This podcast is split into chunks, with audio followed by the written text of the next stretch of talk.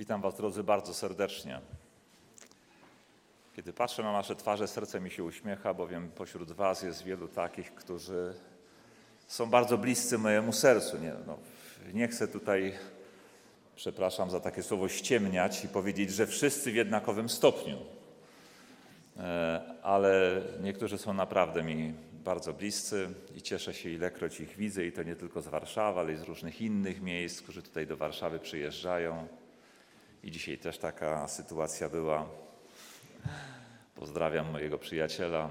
A e, tutaj co do naszego nowego brata, który przyszedł tutaj, e, chce przyjść e, z Ursynowa, to tak nieformalnie powiem, bo przecież teraz nie czas na głosowanie nad tym, ale ja już swój głos na niego oddaję. Znam go od dzieciństwa. Nie będzie mnie, gdy będziecie głosowali. Ja już na niego głos oddałem, pamiętajcie. Też się bardzo, bardzo lubimy. Um, A teraz o sprawach. Wszystkie są poważne, ale ta jest jedna z najpoważniejszych, które ostatnio nasz naród dotykają jako całość, nas nie wykluczając wcale. Chcę mówić o mowie nienawiści. O tym, czy to jest tylko cudzy problem, czy to może wspólny problem Zapomniałem przywitać jeszcze internautów, którzy nas obserwują. Karmmy się dziś wszyscy Słowem Bożym. Otóż wydarzenia w Gdańsku sprzed chyba dwóch tygodni, zabójstwo prezydenta Pawła Adamowicza wywołało kolejny raz falę dyskusji nad skutkami mowy nienawiści. W życiu publicznym, Mówię kolejny raz, bo jeśli sobie dobrze przypominam, w 2010 roku po zabójstwie pewnego działacza politycznego Marka Rosiaka w Łodzi w jednym z klubów e, punktów poselskich, już wtedy mówiono o mowie nienawiści, że, to do, że do tego doprowadziła mowa nienawiści. Już wcześniej nawet ukuto, chociaż to nie jest wcale nowy termin, ukuto z kolei inny termin yy, fabryka pogardy czy coś w tym rodzaju, prawda? Minister Boni nawet wtedy zwrócił się do kościołów, bodaj tak na przełomie 2010-2011 roku, yy, do, o pomoc w przeciwstawianiu się temu zjawisku. Nie wiem, na ile kościoły mu wtedy pomogły, na ile przemówiły do swoich współwyznawców, ale no jak widzimy, do kolejnego nieszczęścia doszło. Ja pamiętam, że nawet wtedy artykuł napisałem na ten temat i w tym artykule, rozważając szeroko tę kwestię, nawet też taką tezę postawiłem, że jeżeli nic się nie zmieni, to dojdzie do kolejnego nieszczęścia niebawem. No i doszło. Bowiem skutki mowy nienawiści są takie, że ona prowokuje jednostki niestabilne emocjonalnie do aktów agresji, nawet tak skrajnych jak ten ostatni w Gdańsku. Ale czy to jest właśnie problem chrześcijan? Ktoś może oczywiście odepchnąć to od siebie i powiedzieć, to jest tylko problem właśnie niezrównoważonych jednostek, niestabilnych. Jeśli nawet gdzieś tam w dzieciństwie ochrzczonych, to na pewno nie wyznawców Chrystusa. A w związku z tym, skoro to jest cudzy problem, to czy warto, żebyśmy poświęcali cenne minuty kazania Słowa Bożego w Kościele na zajmowanie się takim politycznym tematem? Czy na pewno? Czy na pewno tylko polityczne? I czy na pewno nie dotyczy nas? Nas jako ludzi, nas jako szczególnie tego narodu, nas jako chrześcijan i adwentystów? Członków zboru Warszawa Centrum?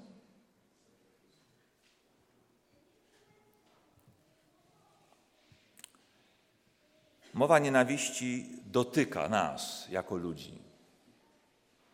Dotyka nas jako chrześcijan, dotyka nas często jako adwentystów dnia siódmego. Może nie jedni z Was jej doświadczyli w swoim własnym środowisku. Powinniśmy się tym zająć, poświęcić ten czas, bowiem nie tylko dotyka nas, ale czasem to my mową nienawiści dotykamy innych. Nawet jeśli tego jeszcze w tej chwili nie widzimy, to na razie stawiam taką tezę. Myślę, że pod koniec kazania będzie ona już jaśniejsza. Mowa nienawiści to nie tylko ich problem, cudzy problem, ale to również nasz problem, wspólny. A Słowa Bożego zaręczam, w tym kazaniu Wam nie zabraknie. Najpierw jednak zdefiniujmy sobie, o co chodzi, bo czasem, wiecie, używamy pewnych słów, nie mając do końca pojęcia, co one oznaczają. Czym jest właśnie ta mowa nienawiści? Czasem nam się tylko wydaje, że wiemy o co chodzi.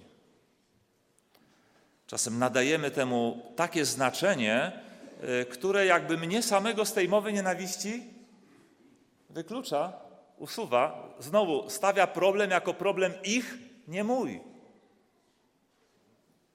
Ale zobaczmy, czym jest mowa nienawiści.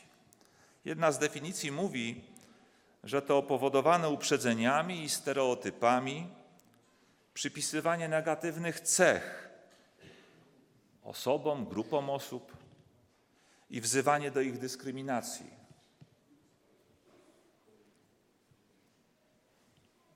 Pewnie zadajemy już sobie pytania, czy, czy ja coś takiego robiłem, czy powodowany uprzedzeniami, stereotypami przypisywałem komuś negatywne cechy, może nawet wzywając do jego dyskryminacji, i pewnie mówimy: Nie, nigdy w życiu. To rozbierzmy to troszkę na czynniki pierwsze. Uprzedzenia. Mowa powodowana uprzedzeniami. Uprzedzenia.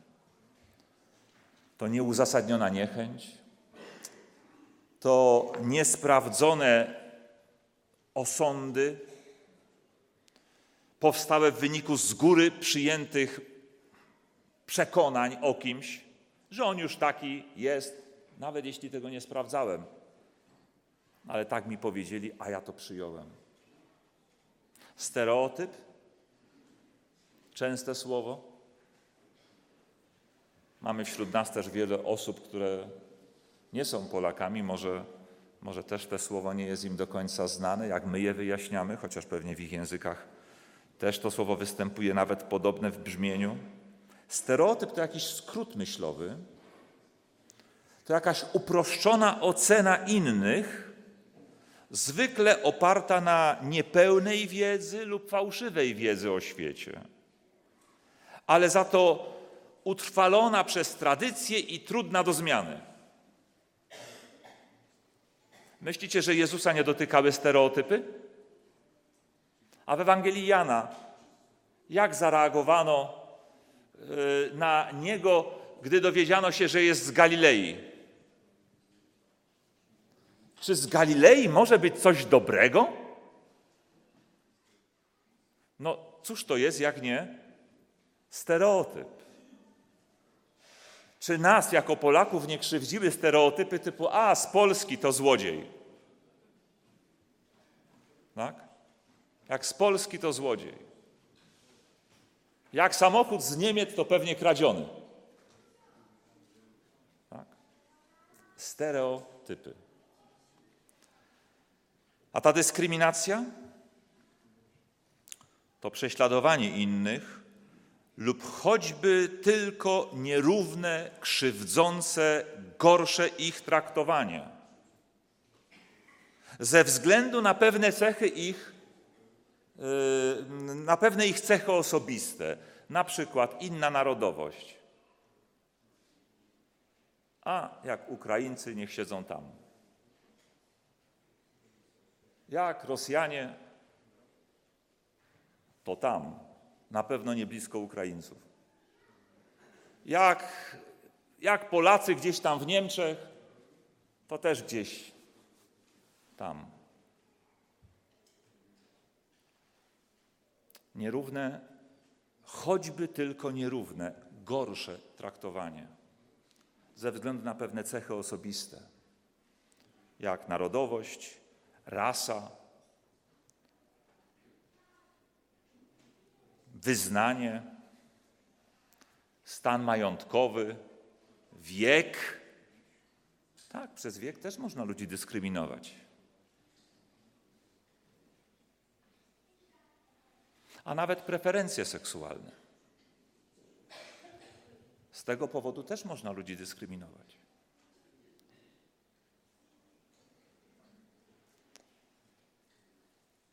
To była jedna z definicji, raz jeszcze ją przypomnę, gdy już znacie znaczenie poszczególnych części składowych. Mowa nienawiści to powodowane uprzedzeniami i stereotypami przypisywanie negatywnych cech osobie lub grupie i wzywanie do ich dyskryminacji. Ale mowa nienawiści to też, to też według innej definicji wszelkie wypowiedzi, które lżą, wyszydzają, poniżają grupy ludzi lub jednostki z powodu tych cech osobistych, które wspomniałem. Wyszydzanie, poniżanie, te słowa już są bardziej nam znane. Grup lub jednostek, lżenie, znieważanie. O, nawet nasz kodeks karny zawiera sporo przepisów, które tę mowę nienawiści, no tu mi musicie wybaczyć, ja zawsze gdzieś tam nawiążę do tego prawa. E, nawet kodeks karny y, zawiera y, kilka takich przepisów. Nie będę ich oczywiście całych czytał, ale tylko wspomnę, bo może nam się wydaje, że, że przecież my nie jesteśmy przestępcami. Ale pamiętam, że jak pierwszy raz czytałem kodeks karny lata temu, to ze zdziwieniem się przekonałem, że już zdążyłem parę tych przepisów złamać. Na szczęście nikt nie widział. Albo nikt tego nie zgłosił, albo nikt nie nagrał. No, dziś mnie tu nagrywają. Postaram się autocenzurować i nie powiedzieć nic złego.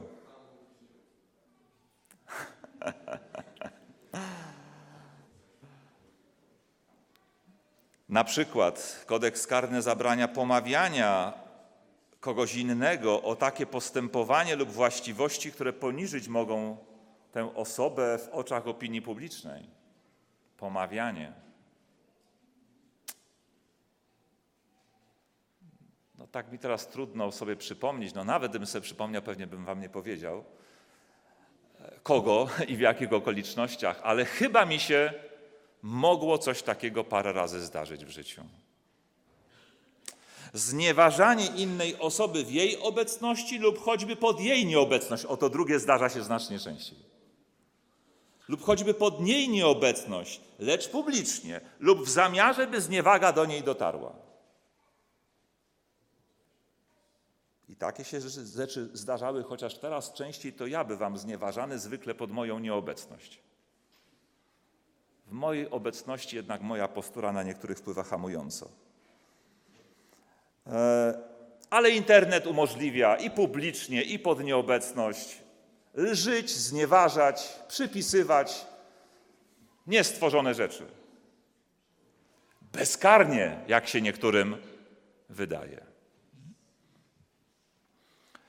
Grożenie innej osobie zamiarem popełnienia przestępstwa na jej szkodę lub osoby jej najbliższej. Wzbudzanie w niej obaw, że ta groźba będzie spełniona. To niekoniecznie muszą być groźby pozbawienia życia, jakiejś krzywdy fizycznej, ale zwolnienia z pracy.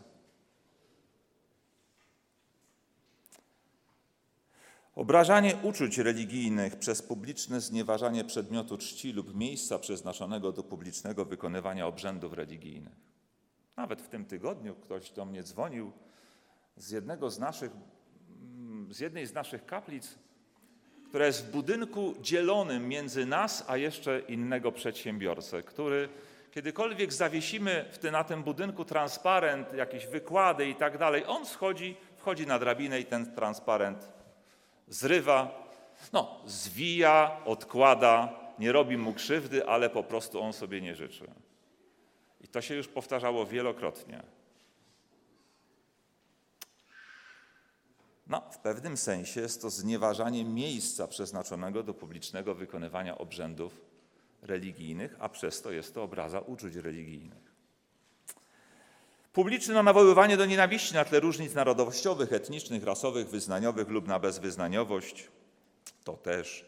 No i publiczne znieważanie grupy ludności lub nawet jednej osoby z powodu jej przynależności narodowej, etnicznej, rasowej, wyznaniowej, no czy innych. No teraz taki mały rachunek sumienia. No i nie będę Was pytał, co z tego rachunku wyszło. Czy Biblia zna pojęcie mowy nienawiści? Może tego słów, tych słów takiej zbitki pojęciowej nie używa, ale na pewno znajdziecie wiele odniesień w Piśmie Świętym, nawet teraz nie zacytuję w tym momencie jednego, bo jest ich mnóstwo, do złorzeczenia. Albo odniesień do urągania, naśmiewania się, znieważania. Tu choćby dwa teksty z przypowieści Salomona z rozdziału 17, werset 5.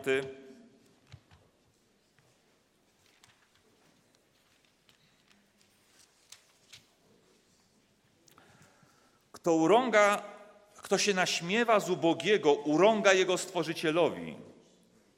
Kto raduje się z nieszczęśliwego, nie ujdzie kary.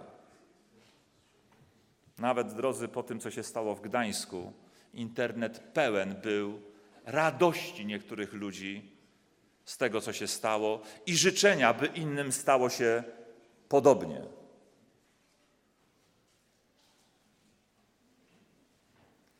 Ale tu w tym tekście, kto naśmiewa się z ubogiego? Czymże to jest, jak nie mową nienawiści powodowaną cudzym wiekiem? E, nie, przepraszam, nie wiekiem, powodowaną cudzym stanem majątkowym. Ile dzieciaków z biednych rodzin musi takie rzeczy przeżywać w szkole, bo nie mają markowych ciuchów, butów, torby, telefonu i już są przedmiotem mowy nienawiści ze strony rówieśników. Psalm 69, werset 10.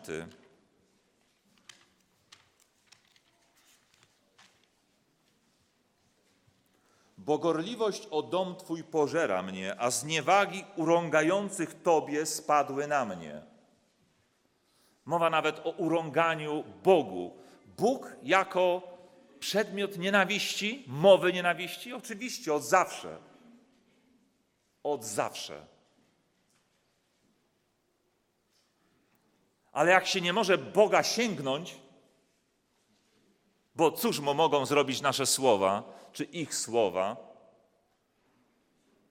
to najprościej wtedy uderzać w tych, co mu ufają. A zniewagi urągających Tobie spadły na mnie. Najprościej wtedy uderzać w tych pobożnych, nawet za ich pobożność. Nawet tylko za to, że chodzą do kościoła. Takie sytuacje też w Polsce są, były, są częste. Oczywiście nie zmienia to sytuacji, że niektórzy malowani chrześcijanie swoją pobożnością wręcz aż chcą w oczy kłuć i czasem wręcz prowokować pewne E, e, akty mowy nienawiści. Ale nie chcę rozwijać tego tematu. E, wiemy, że takie rzeczy występują. Niektórzy nawet prowokują prześladowania, żeby potem powiedzieć: Jestem prześladowany, znaczy, że prawda jest po mojej stronie.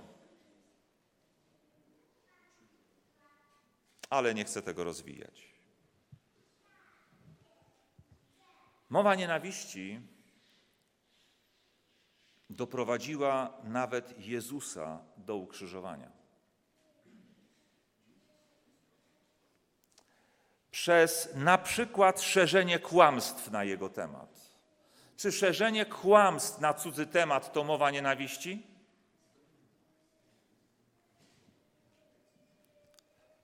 Pomawianie kogoś o rzeczy, których nie zrobił, jest przecież formą kłamstwa.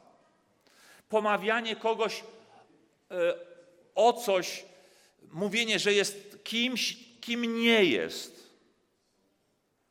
a przy tym stwarzanie wokół niego negatywnej atmosfery, czy nie jest formą kłamstwa?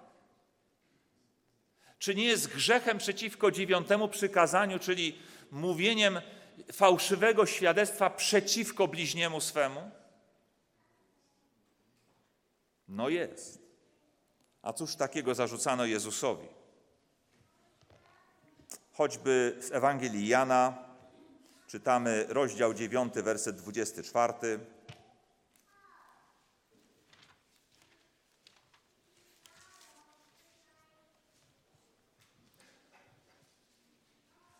Przywołali więc ponownie człowieka, który był ślepy i rzekli do niego: Oddaj chwałę Bogu. My wierzymy, że ten człowiek jest grzeszny.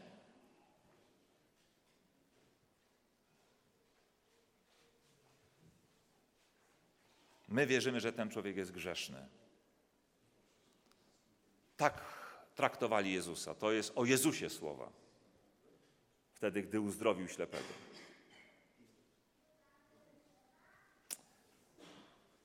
Pierwszy Piotra, drugi rozdział, 23 werset.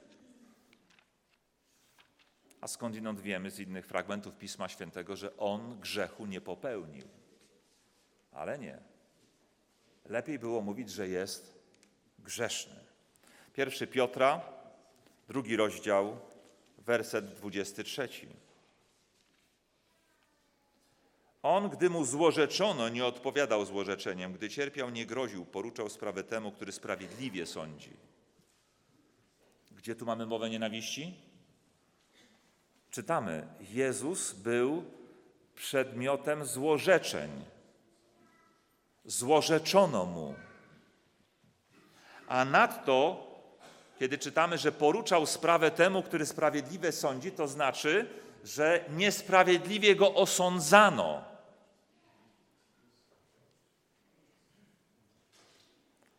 Psalm 22, werset, chociaż to zacytuję za chwileczkę, ale o co jeszcze, już bez cytowania wersetów, bo znacie je, oskarżano Jezusa. Że jest żarłok? Wystarczyło, że jadł. Nie, żarłok. Wystarczyło, że pił, więc kto? Pijak. Wystarczyło, że spotkał się z grzesznikami, z celnikami, to kto? No grzesznik, złodziej i, i pewnie sympatyk Rzymian. Wystarczyło, że nie kazał ukamienować cudzołożnicy i przebaczył jej grzechy. To co? Może nawet, a kto tam wie, co jest między nią a nim? Kto tam wie?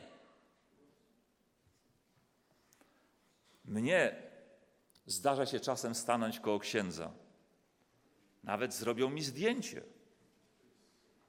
Wow! Jakich się mogę rzeczy doczytać w internecie na swój temat?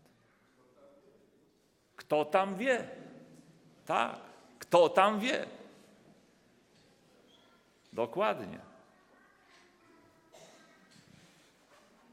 No cóż, wypadałoby zacytować stare przysłowie: nie oceniaj książki po okładce. Trochę poczytaj. Że chce być królem, choć nie chciał. Że chce być, że chce zburzyć świątynię, choć na pewno nie miał na myśli tej murowanej. Że ma Belzebuba, że wzywa do buntu przeciwko cesarzowi, że bluźni. Wszystko to mu zarzucano. A może nawet próbowano też, że wzywa do niepłacenia podatków? Psalm 22, werset 7 po 9 jest zapowiedzią tej mowy nienawiści, jaka miała być, tej kampanii nienawiści, jaka miała dotknąć Jezusa. Psalm 22, werset 7 po 9.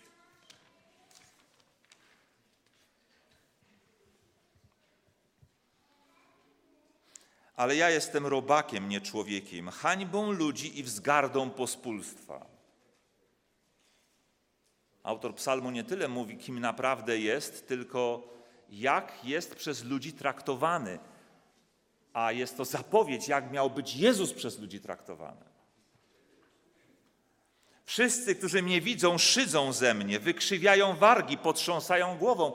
Słuchajcie, mowa nienawiści to w jednej z definicji czytaliśmy, to są wszelkie wypowiedzi. Ja nie cytowałem całej definicji. W oryginale jest jeszcze, że a nawet różne przedstawienia ikoniczne, czyli obrazki nawet mogą być mową nienawiści. Jakieś mazania po ścianach mogą być mową nienawiści. Jakieś gesty mogą być mową nienawiści. Nawet grymas twarzy, prychnięcie ust, wykrzywienie, warg. W grymasie szyderstwa, kpiny, lekceważenia dla drugiej osoby. To wszystko jest językiem nienawiści, bo język to też język ciała.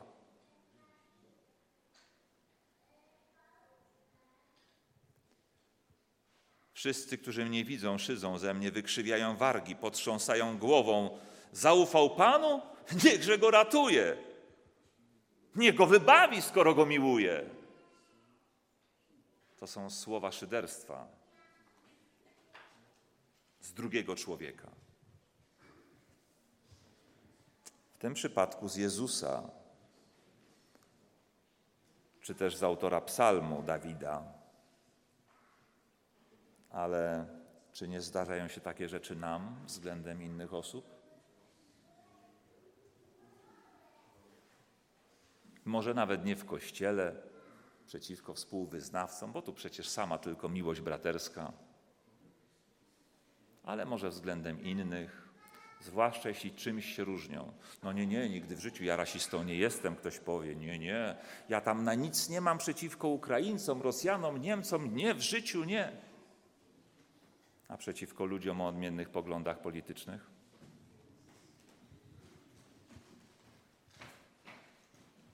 A przeciwko ludziom o odmiennych zainteresowaniach w różnych sferach życia? I znów abstrahujmy od kwestii biblijnej oceny pewnych zachowań. Ale zachowania to jedno, a ludzie to drugie.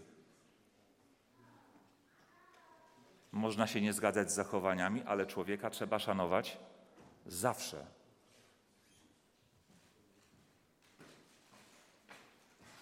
Jaka była konsekwencja takiej mowy nienawiści? Bo już mówiliśmy na początku, że ona będzie prowadzić do jakichś złych skutków.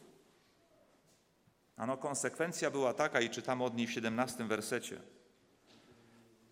Wcześniej, że gardzili nim, wcześniej, że szydzili z niego, wcześniej, że wykrzywiali wargi i to wykrzywianie warg, szydzenie, taka wewnętrzna pogarda dla niego. W końcu zaowocowała 17 werset. Oto psy otoczyły mnie, osaczyła mnie gromada złośników, przebodli ręce i nogi moje. To jest konsekwencja mowy nienawiści, która dotknęła Jezusa. Kampanii nienawiści wytoczonej przeciwko Niemu. Ja sobie wyobrażam, co by się działo wtedy w telewizji, gdyby ją mieli.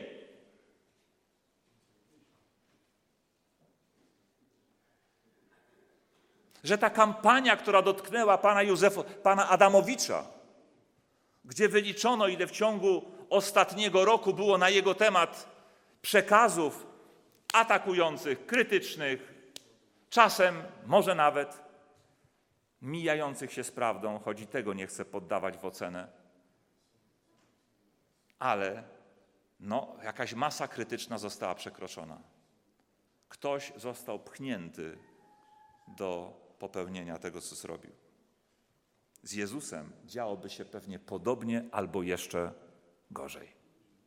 Wykorzystano by wszystkie możliwości.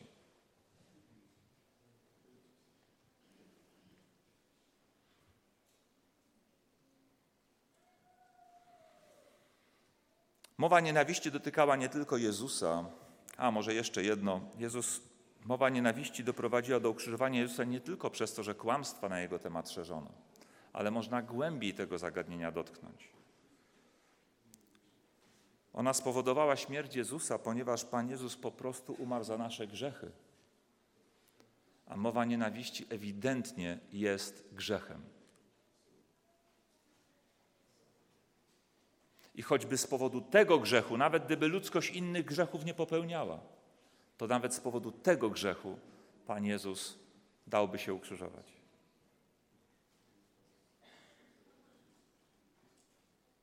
Bo to grzech jest ewidentnie przeciwko temu przykazaniu, które wskazałem. To jest jedyne przykazanie w Biblii, które odnosi się do mowy, do składania fałszywego świadectwa przeciwko bliźniemu swemu.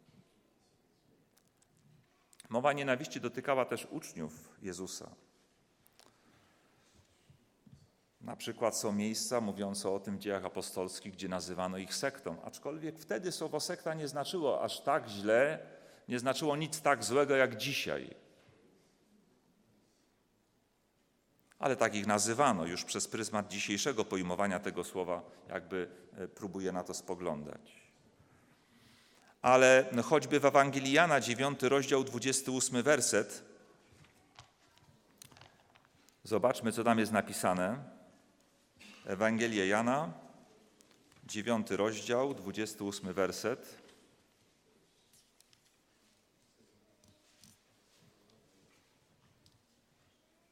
to tam właśnie z tej historii ślepego, gdzie mówili, że Jezus jest grzesznikiem, tam czytamy, że również i temu ślepemu, gdy nie chciał się go wyprzeć, złorzeczyli mu mówiąc, ty jesteś uczniem jego, a my jesteśmy uczniami Mojżesza.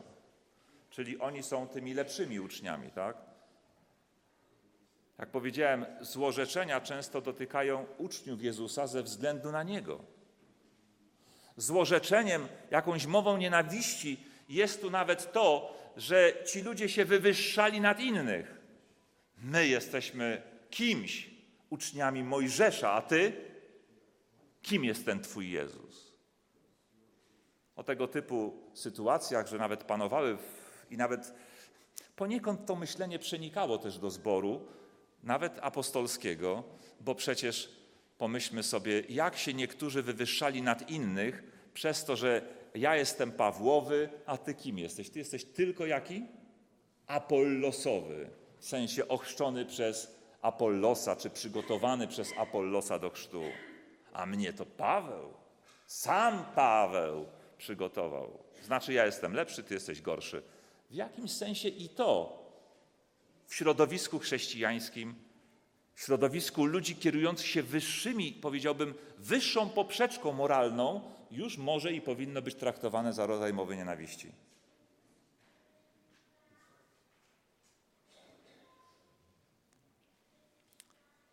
Mowa nienawiści też, jak powiedziałem, dotykała uczniów Jezusa. Zobaczcie pierwszy list do Koryntian 4:13.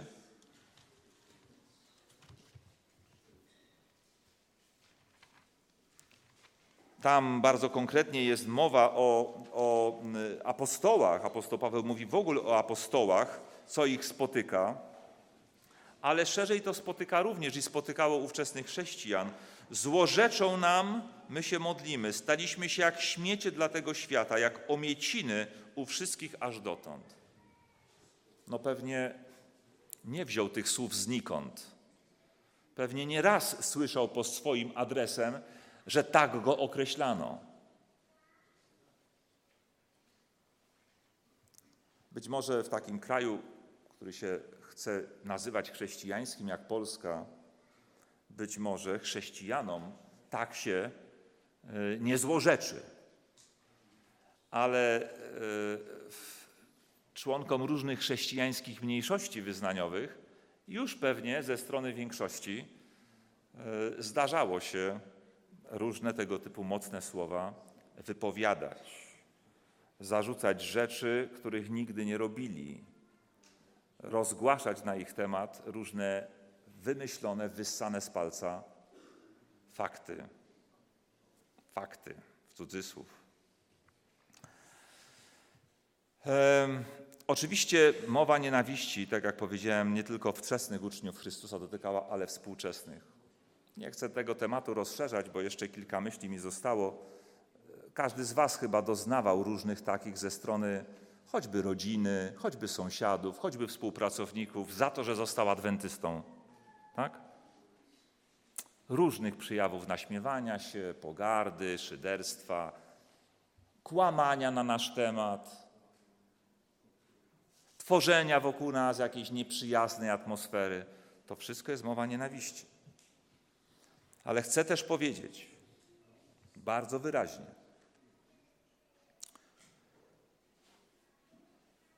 żeby nie było, że tylko nas może mowa nienawiści dotykać. Bo my też możemy mową nienawiści dotykać innych. W zborze plotkowanie, często oparte o niesprawdzone fakty, ale rozpowiadanie rzeczy, których sam nie jestem pewien, od kogoś zasłyszałem. Ja nawet nie wiem, czy to jest wiarygodne, ale co mi szkodzi, powiem innemu. No, co mi szkodzi?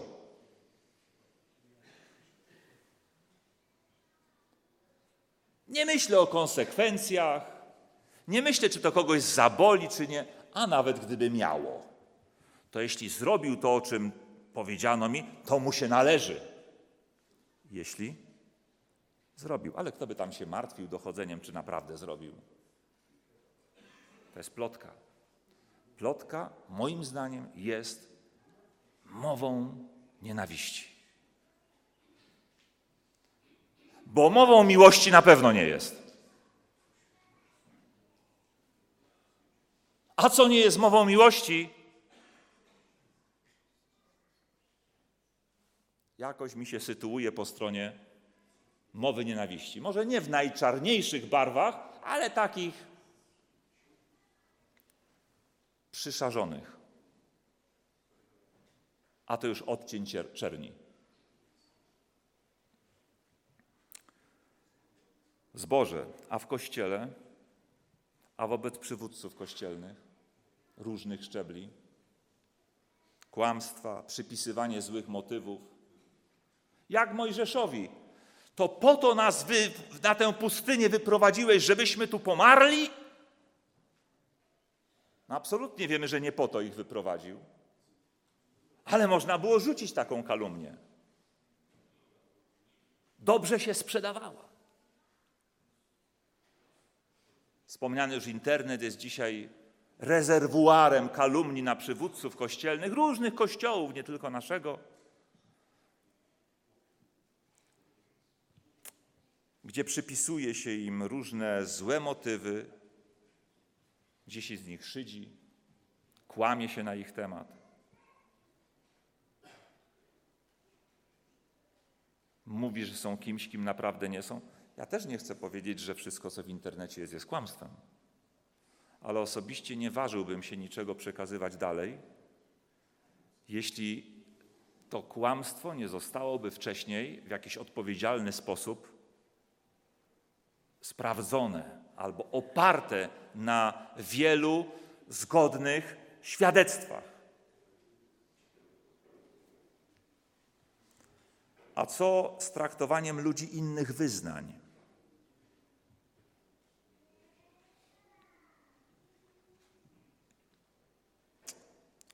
Pogarda, wywyższanie się nad innych, przypisywanie im tego, czego nie zrobili, poniżające traktowanie, osądzanie, czy to wszystko nie godzi w cudzą godność?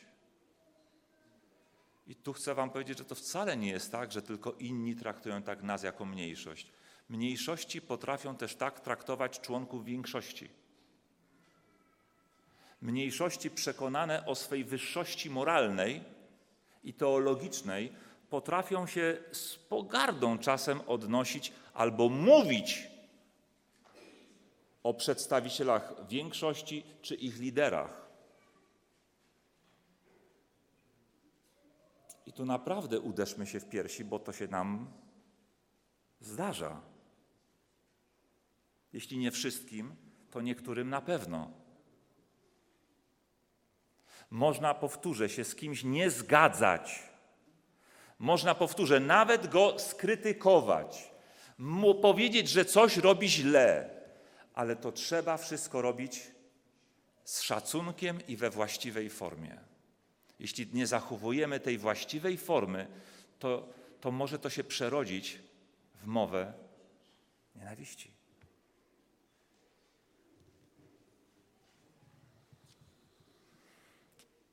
A słowa kreują rzeczywistość, wzbudzają złe emocje. Dlatego Jezus ostrzegał i mówił: Nie każdy, kto by się gniewał na brata swego, że każdy, kto by się gniewał na brata swego, zostaje osądzony, a kto by obraził brata swego, mówiąc na przykład racha, to już czytamy, czeka go, yy, yy, to stanie przed trybunałem. A kto by powiedział głupcze, czeka go ogień gehenny. To skazania na górze, gdzie jest kwintesencja nauk Jezusa. Gdzie Pan Jezus mówi, że nawet pogardliwe powiedzenie do kogoś głupcze jest już, no, czeka go za to ogień gehenny. Powiecie, czy to nie jest za srogie, czy te wartości nie są zbyt, czy poprzeczka nie jest zbyt wysoko postawiona? No widzicie, to tak działa, że dopóki działa prawo w kraju, dopóki za zabójstwa, pobicia, podpalenia można pójść do więzienia, a nawet za publiczne znieważenie kogoś, w zamiarze, by do niego dotarło, by podważyć zaufanie do niego w opinii publicznej, też można pójść do więzienia, to ludzie generalnie to głupcze mówią albo niepublicznie, albo po cichu, albo za plecami. Ale jak się okazuje, że zmienia się sytuacja polityczna na świecie, że nagle prawo przestaje mieć znaczenie, bo na przykład zaczęła się wojna, to takie zwykłe głupcze w co się przeradza? W czystki etniczne, w noc świętego Bartłomieja, w morderstwa, gwałty. Dlatego Jezus powiedział, że macie się pilnować nawet na etapie słów.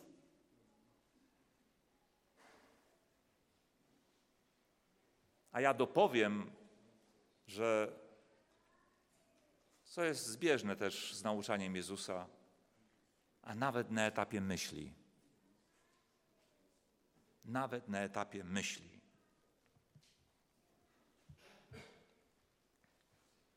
Bo słowa mają stwórczą moc. Bóg rzekł i stało się, rozkazał i stanęło. Oczywiście myślimy, że to tylko tak Bóg ale nawet my słowami potrafimy kreować rzeczywistość. Nawet nam to się udaje. Słowa puszczone w ruch, zwłaszcza złe, mogą jak mała kulka śnieżna rozpocząć się kulką, a skończyć lawiną, która zmiecie wszystko, co stanie na jej drodze. Tak to się dzieje. Złe słowa w ostateczności mogą wyprowadzić ludzi na ulicę, postawić naprzeciwko siebie z kamieniami w rękach, a w ostateczności włożyć im do ręki broń i niezrównoważone jednostki pchnąć do zbrodni. Wszystko zaczyna się od słów. Dlatego kościoły mają tu wiele do zrobienia przede wszystkim nie powinny, a tutaj w takim sensie mówię do społeczności bardziej niż do instytucji Kościoła, nie powinniśmy dolewać oliwy do ognia buzujących w społeczeństwie emocji. Dzisiaj tym ogniskiem jest właśnie internet. To są media społecznościowe. Oczywiście możemy wyrażać swoje różne stanowiska, nawet prywatne, zawsze pamiętając, że jesteśmy chrześcijanami, którzy są wzywani do jednania ludzi z Bogiem i jednania ludzi ze sobą. I to niekoniecznie od razu do czynienia z ludzi adwentystów. Może najpierw widząc gdzieś przed sobą ludzi niepogodzonych, którzy ze sobą się kłócą na jakimś tle, na przykład politycznym, spróbujmy znaleźć, jeśli nam zależy, jeśli jakoś to śledzimy, jakiś punkt styczny, coś, co mogłoby tych ludzi połączyć, pomóc jednej stronie zrozumieć drugą, drugiej pierwszą, żeby złagodzić emocje, żeby tak upuścić trochę tej pary, prawda, zanim pokrywka zleci i się potłucze.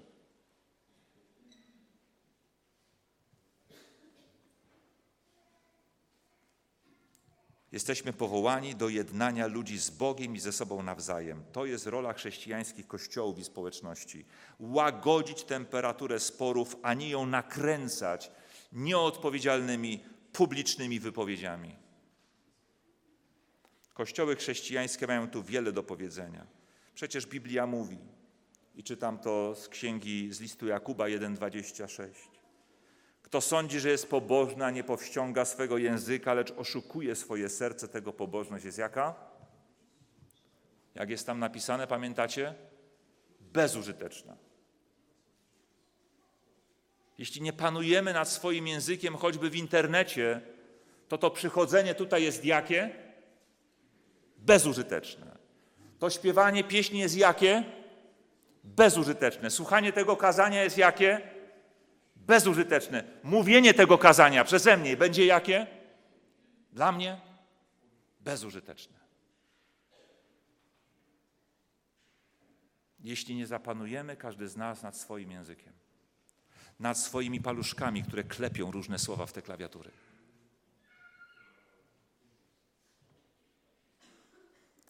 Ale dalej.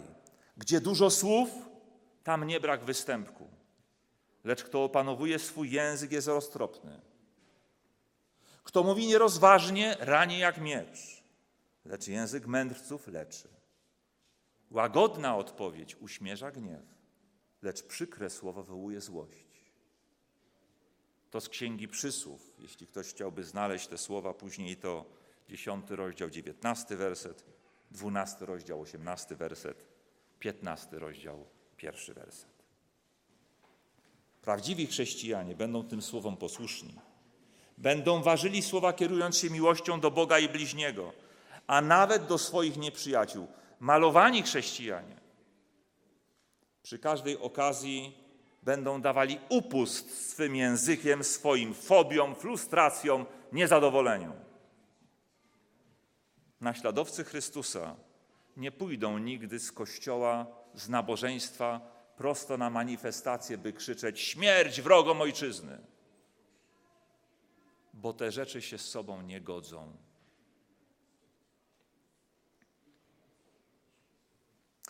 Zatem co zrobić? Zmierzam już naprawdę do końca. Porzućmy mowę nienawiści. I chcę tutaj, żeby podbudować to wezwanie, które zakłada, że jednak i my nie jesteśmy pod tym względem w różnych jej przejawach czyści.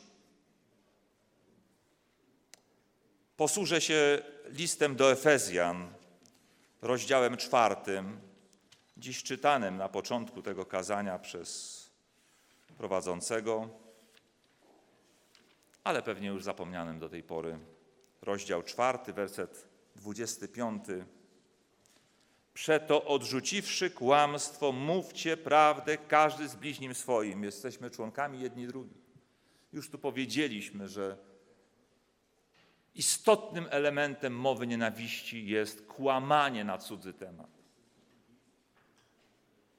Odrzućmy kłamstwo, odrzućmy mowę nienawiści, mowę, która ma doprowadzić do nienawidzenia kogoś.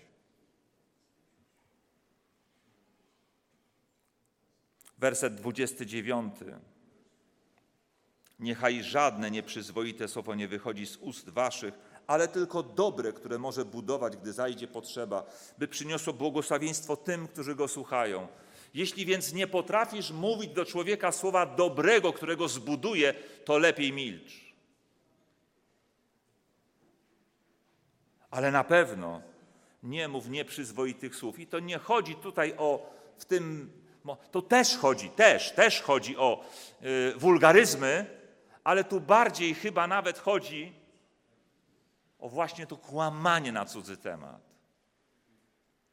Bo można nie wypowiadać wulgaryzmów, a wy, wydalić z siebie taki stek kłamstw, a, ale jakby na złotej tacy podanych i w białych rękawiczkach. I czym to jest? Jak nieprzyzwoitym słowem.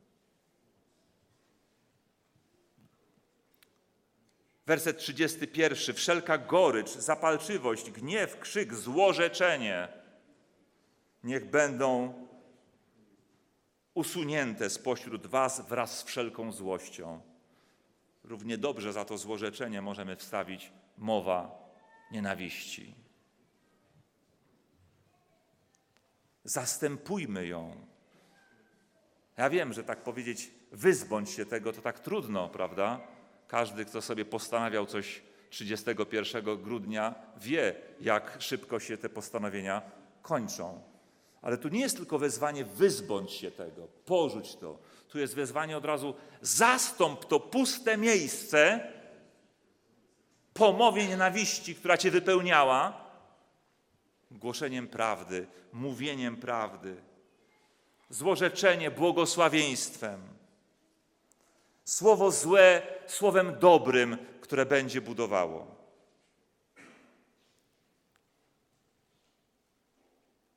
A przy tym odpuszczajcie sobie wzajemnie, jak i Bóg wam odpuścił w Chrystusie. To, co dla nas Jezus zrobił na krzyżu, jak nam odpuścił i co nam wybaczył, co mu uczyniliśmy, winno być dla nas inspiracją do dobrego mówienia o innych. Żeby względem innych nie zachować się tak, jak ci, którzy swoją mową nienawiści doprowadzili Jezusa do śmierci. Stosujmy więc język miłości i szacunku, uprzejmości względem drugiego człowieka. Ostatni cytat to z listu do Kolosan z rozdziału trzeciego.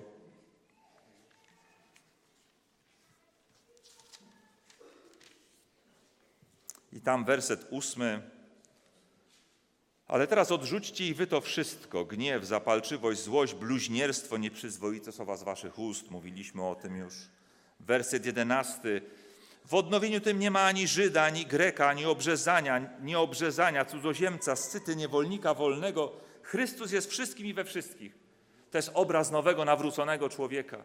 Człowieka, dla którego te wszystkie cechy osobiste, będące podstawą w mowie nienawiści do wyszydzania kogoś, lżenia kogoś, bo to scyta, bo to niewolnik, bo to grę, a to obrzezany, a to nieobrzezany, prawda? Nie mają już żadnego znaczenia. Tak jak i dziś dla nas nie powinno to mieć żadnego znaczenia, jakieś cechy osobiste, jeśli tylko miłuje ktoś Chrystusa. A nawet jak go nie miłuje, to co? Jest godzien naszej pogardy, bo go nie miłuje? Zostawmy oceny Panu Bogu, a my bądźmy otwarci na każdego człowieka. Miłujmy nawet nieprzyjaciół. A werset 16-17? Słowo Chrystusowe niech mieszka w was obficie, we wszelkiej mądrości nauczajcie, napominajcie jednych drugich przez psalmy, hymny, pieśni duchowne, wdzięcznie śpiewając Bogu w sercach waszych. Cokolwiek czynicie, czy w słowie, czy w uczynku, wszystko czyńcie w imieniu Pana Jezusa. Ja wiem, samemu trudno dokonać tej zmiany. Dlatego Pismo Święte mówi, żeby Słowo Chrystusowe mieszkało w nas obficie. A ta zmiana się stanie. Ta zmiana nastąpi. Stosujmy język więc miłości. Ten sam język, to też jest ostatnia moja uwaga, już bez cytatu. Ten sam język na zewnątrz publicznie, co wewnątrz prywatnie. Do tego potrzeba nam pewnej autocenzury, pewnego gryzienia się w język, zmiany myślenia, a nawet jak piszemy na klawiaturze cofania i kasowania, cośmy jeszcze wypowiedzieli bez opublikowania. Skasować. Jak ma zaboleć, skasować.